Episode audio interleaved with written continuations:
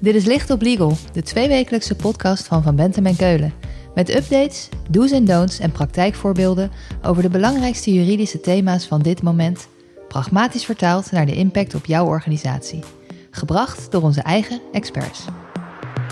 Daarbij moet je je overigens wel afvragen hoe effectief die meewerkplicht gaat zijn als het daadwerkelijk gaat om een UBO in het buitenland. De WWFT, de Wet ter Voorkoming van Witwassen en Financieren van Terrorisme, verplicht dat bedrijven bijhouden wie de uiteindelijke belanghebbende is, de UBO. Die informatie moet later dit jaar ook bij de Kamer van Koophandel worden geregistreerd. Het wetsvoorstel dat dat verplicht ligt eind deze maand ter goedkeuring bij de Eerste Kamer. Sander Marché bespreekt in deze licht op legal wat daarvan de gevolgen zijn voor bedrijven en natuurlijk voor de UBO's zelf. Hij stelt zich even voor. Ik ben Sander Marché, advocaat partner corporate en M&A bij Van Muntem en Keulen. Sander is specialist op het gebied van governance en compliance en is in zijn dagelijkse praktijk regelmatig bezig met regelgeving rondom UBO's. Straks gaan we het hebben over de KVK-registratie van UBO's, maar we beginnen bij het begin. Want waarom is die UBO-regelgeving er eigenlijk? Eigenlijk hebben we het hier over een moedje, want de UBO-wetgeving wordt ingevoerd omdat het moet op grond van de Europese uh, anti-witwasrichtlijn. Het idee is dat transparant wordt wie er binnen ondernemingen aan de touwtjes trekt en dat dat ook inzichtelijk wordt. Op die manier hoopt men dat voorkomen wordt dat entiteiten worden gebruikt voor criminele activiteiten. Denk daarbij aan corruptie, witwassen, belastingontduiking en dergelijke. Want voor welke bedrijven geldt deze regelgeving? Eigenlijk gaat deze regelgeving gelden voor vrijwel alle ondernemingen in Nederland, uitgezonderd beursgenoteerde BV's en NV's en uitgezonderd eenmanszaken. Dus in totaal komen ongeveer 1,5 miljoen entiteiten in Nederland onder het bereik van deze regelgeving. Dat zijn de bedrijven voor wie dat geldt. Maar voor welke personen geldt dit? Wat is nou zo'n UBO? Ja, UBO klinkt als een Nederlandse term, maar het is een afkorting van een Engels begrip. Het gaat om de Ultimate Beneficial Owner. Eigenlijk degene met het uiteindelijke belang bij de onderneming of instelling. Uh, de UBO is een natuurlijke persoon altijd. En het gaat dan om degene die meer dan 25% van de aandelen houdt. Of voor dat percentage zeggenschap heeft in de onderneming. Of het economische belang heeft in de onderneming voor tenminste dat percentage. Um, daarnaast wordt er ook gekeken naar wie de feitelijke zeggenschap heeft binnen de onderneming. En op basis van die drie criteria, dus economisch belang, zeggenschap en feitelijke zeggenschap, wordt vastgesteld wie de UBO is of wie de UBO's zijn. Het kan dus heel goed zijn dat er meerdere UBO's zijn, maar het zou ook zomaar zo kunnen zijn dat er geen UBO is, bijvoorbeeld in de situatie dat het aandelenbezit van een bepaalde vennootschap behoorlijk versplinterd is. Even terug. Je zei net dat de UBO ook degene kan zijn die de feitelijke zeggenschap heeft. Leg uit. Ja, feitelijke zeggenschap is een behoorlijk ingewikkeld begrip. Vooral ook om, vanwege het woordje feitelijk. Het gaat al niet zozeer om juridische afspraken, maar om hoe het in de praktijk loopt. Dus bijvoorbeeld uh, bestendig gebruik of feitelijke gedragingen. Uh, denk daarbij aan de situatie binnen een familiebedrijf waar de pater familias eigenlijk nog aan de touwtjes trekt en iedereen doet wat hij zegt. Ook al heeft hij dan geen juridische positie meer als aandeelhouder of als bestuurder, zou dat dan toch degene kunnen zijn die de feitelijke zeggenschap in de praktijk heeft. Dus feitelijke zeggenschap gaat om wie er binnen een onderneming aan de touwtjes trekt. En daarnaast zei je dat er in sommige gevallen geen UBO vastgesteld kan worden. Hoe werkt dat dan? Want je moet een UBO registreren. Op het moment dat er geen UBO is, dus er is niemand die meer dan 25% van de aandelen houdt, of een economisch belang van meer dan 25% heeft, of zeggenschap heeft voor meer dan 25%, of feitelijke zeggenschap heeft, dan kom je bij de pseudo-UBO terecht. En dat is degene die dan de leiding over de onderneming heeft. Dan gaat het dus niet meer over het economisch belang of de uiteindelijke zeggenschap, maar meer over de leiding in de zin van statutair bestuur of bij de personenvennootschap bijvoorbeeld om de beherend vennoot van de personenvennootschap. Is dat dan simpelweg degene die op papier de baas is? Klopt, dan gaat het echt om wie daar volgens de uh, inschrijving als bestuurder te boek staat. Oké, want die hele UBO is niet nieuw natuurlijk. Je moet op grond van de wet al bijhouden wie de UBO is. Wat gaat er veranderen? De grote verandering is dat er nu een register komt. Dat wordt bijgehouden door de Kamer van Koophandel. En daar wordt van alle ondernemingen en instellingen die onder het bereik van de regelgeving vallen, in bijgehouden wie de UBO is. En ook bepaalde kenmerken en informatie over die UBO wordt daarin bijgehouden. En dat UBO-register, dat wordt gedeeltelijk openbaar. Dus dat is wel een belangrijke wijziging. Iedereen heeft inzage in een deel van de gegevens die van die bedrijven en instellingen worden geregistreerd in het UBO-register. Maar als die gegevens openbaar worden, hoe zit het dan met de privacy? Ja, dat is iets waar veel mensen zich zorgen over maken. Betekent dat bijvoorbeeld dat iedereen kan gaan zoeken in het UBO-register wie er toevallig uh, in allerlei ondernemingen een groot belang heeft. Zo werkt het niet. Je kan niet op natuurlijke persoon zoeken in uh, het UBO-register. Maar uiteindelijk uh, is wel informatie terug te vinden, zoals naam en voornaam, geboortemaand en geboortejaar van de UBO. Het register is wel AVG-compliant. Dus het register als zodanig voldoet aan alle wet en regelgeving.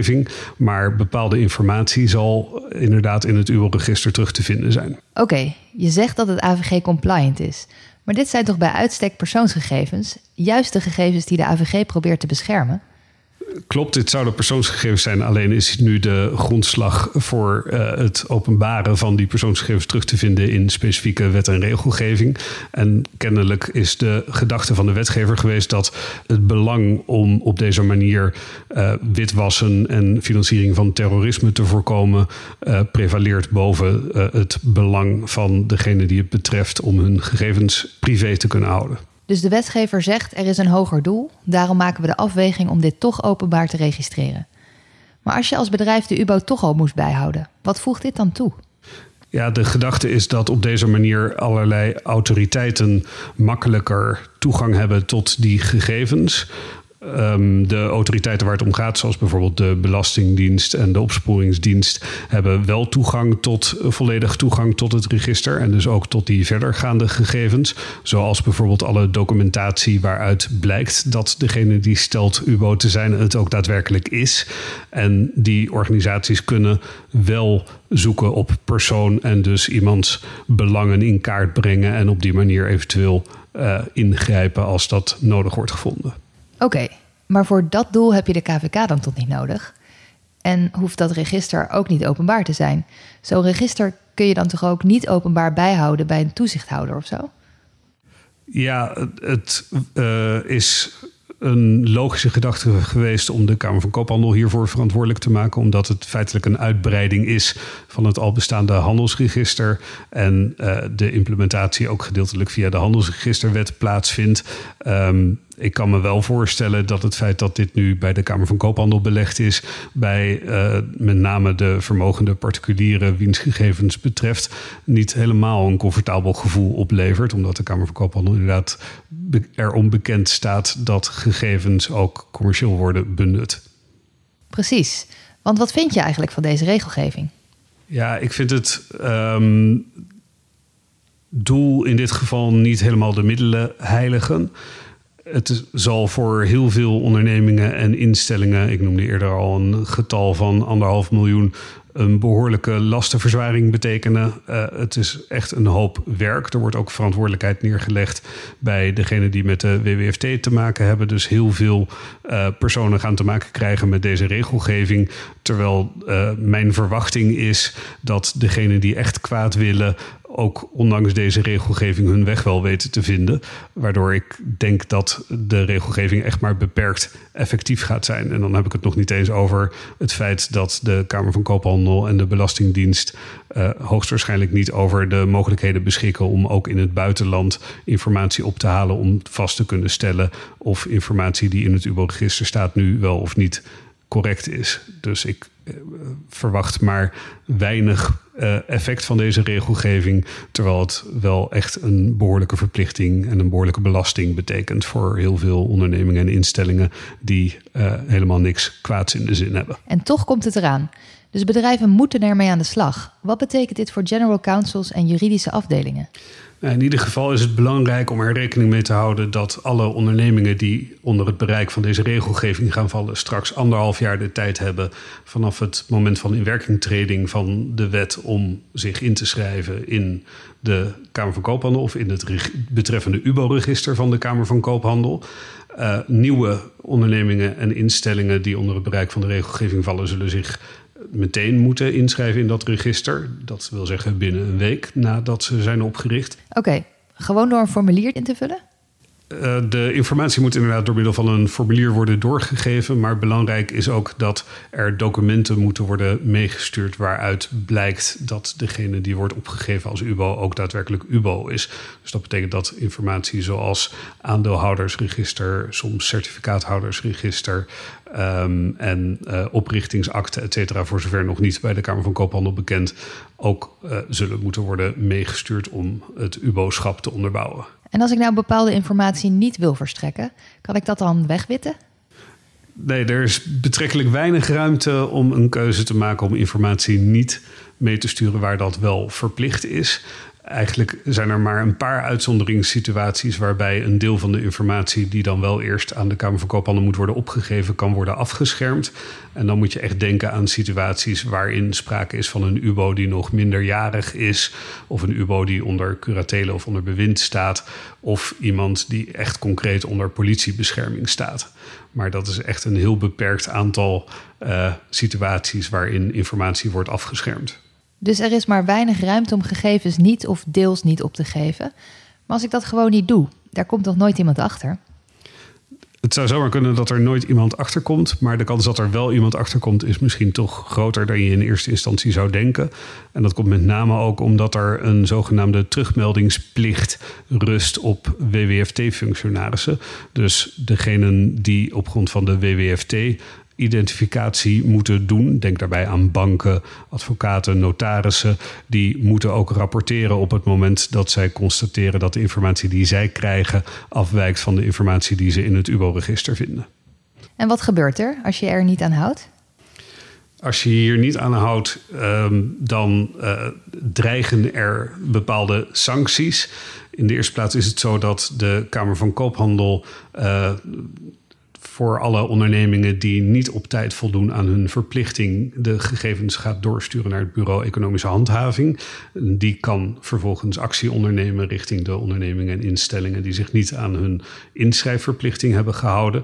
En dan dreigen er zowel strafrechtelijk als langs de bestuurlijke weg uh, maatregelen. Je moet daarbij denken aan een boete uh, in de vierde categorie uh, en zelfs gevangenisstraffen als je bewust verkeerde informatie opgeeft aan de Kamer van Koophandel. Daarnaast kan er gehandhaafd worden op het moment dat je bijvoorbeeld helemaal niet inschrijft en zou er dan een bestuurlijke boete of een last onder dwangsom kunnen worden opgelegd. En wat betekent dit voor de business of voor de UBO's? Ja, er zijn een aantal consequenties te bedenken. In de eerste plaats uiteraard voor de UBO's zelf, die zich zullen moeten realiseren dat uh, zij uh, verzoeken kunnen krijgen om informatie aan te leveren over de vraag of zij als UBO kwalificeren en waar dat dan uit blijkt.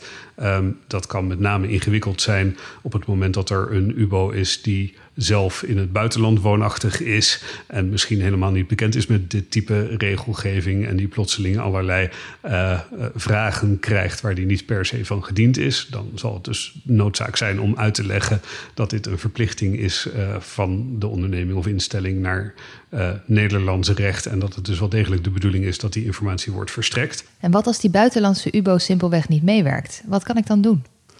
Ja, de wetgeving helpt je daarin wel, want de wetgeving kent een zogenaamde meewerkplicht op grond waarvan de UBO verplicht is om de relevante informatie te verstrekken, zodat degene die de opgave moet doen, die opgave ook correct kan doen. Uh, daarbij moet je je overigens wel afvragen hoe effectief die meewerkplicht gaat zijn als het daadwerkelijk gaat om een UBO in het buitenland. Maar uh, afdwingen zal lastig zijn, maar de meewerkplicht is er wel degelijk. Dus daar kun je degene die het betreft dan ook altijd op wijzen. Een flinke klus dus voor bedrijven om die informatie te verzamelen en te registreren. Zijn er nog meer dingen die we kunnen verwachten? Um, daarnaast is uh, te verwachten dat bepaalde ondernemingen het UBO-register ook gaan gebruiken om informatie in te winnen als het gaat om het in kaart brengen van belangen rond een bepaalde onderneming of instelling. Denk bijvoorbeeld aan het feit uh, dat een schuldeiser die nog een vordering heeft op die onderneming of instelling er best eens belang bij kan hebben om in kaart te brengen wie daar aan de touwtjes trekken om te kijken of op die manier er wellicht nog iets te halen is. Goed om te horen dat het voor bedrijven ook kansen biedt. Dit voorstel ligt nu bij de Eerste Kamer. Vanaf wanneer krijgen bedrijven hiermee te maken?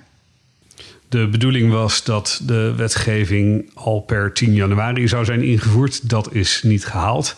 Maar de verwachting is nog steeds wel dat het dit voorjaar zal zijn. En dat het dus niet lang meer op zich zal laten wachten. Het ligt nu ter behandeling in de Eerste Kamer. En we verwachten binnenkort uh, informatie over wanneer de precieze inwerkingtraining gaat zijn. In ieder geval behoorlijk snel dus. Als het zover is, wat moeten bedrijven dan direct doen? Ik zou zeggen, wees voorbereid op de invoering van het UBO-register. Die gaat er komen en die gaat er ook binnenkort komen. En dat betekent zorg dat je het dossier op orde hebt. Dat je van de onderneming of instelling weet wie de UBO's zijn en de informatie verzamelt die met de opgave moet worden meegestuurd naar de Kamer van Koophandel. Wees ook voorbereid op eventuele lastige vragen als het gaat om moet dit nou allemaal? Want ik kan me best voorstellen dat er uh, genoeg personen zijn die niet zitten te wachten op dit openbare UBO-register. Daarnaast is het wel belangrijk om te weten dat dit niet een eenmalige oefening gaat zijn, maar dat het een, de bedoeling is dat continu opgave wordt gedaan van eventuele wijzigingen in de inschrijving. Dus als er iets wijzigt bij de UBO of bij de onderneming of instelling, waardoor er nieuwe UBO's zijn of iemand een ander belang krijgt in de onderneming, dan moet dat ook weer worden doorgegeven uh, aan de Kamer van Koophandel en dan wel binnen één week. Dankjewel, Sander.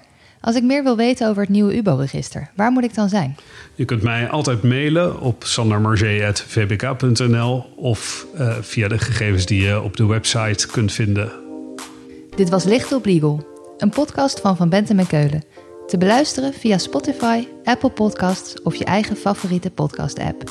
Wil je meer weten? Heb je suggesties voor een onderwerp? Of wil je dat onze experts hun licht laten schijnen op jouw juridisch vraagstuk? Laat het ons weten via vbk.nl slash lichtoplegal.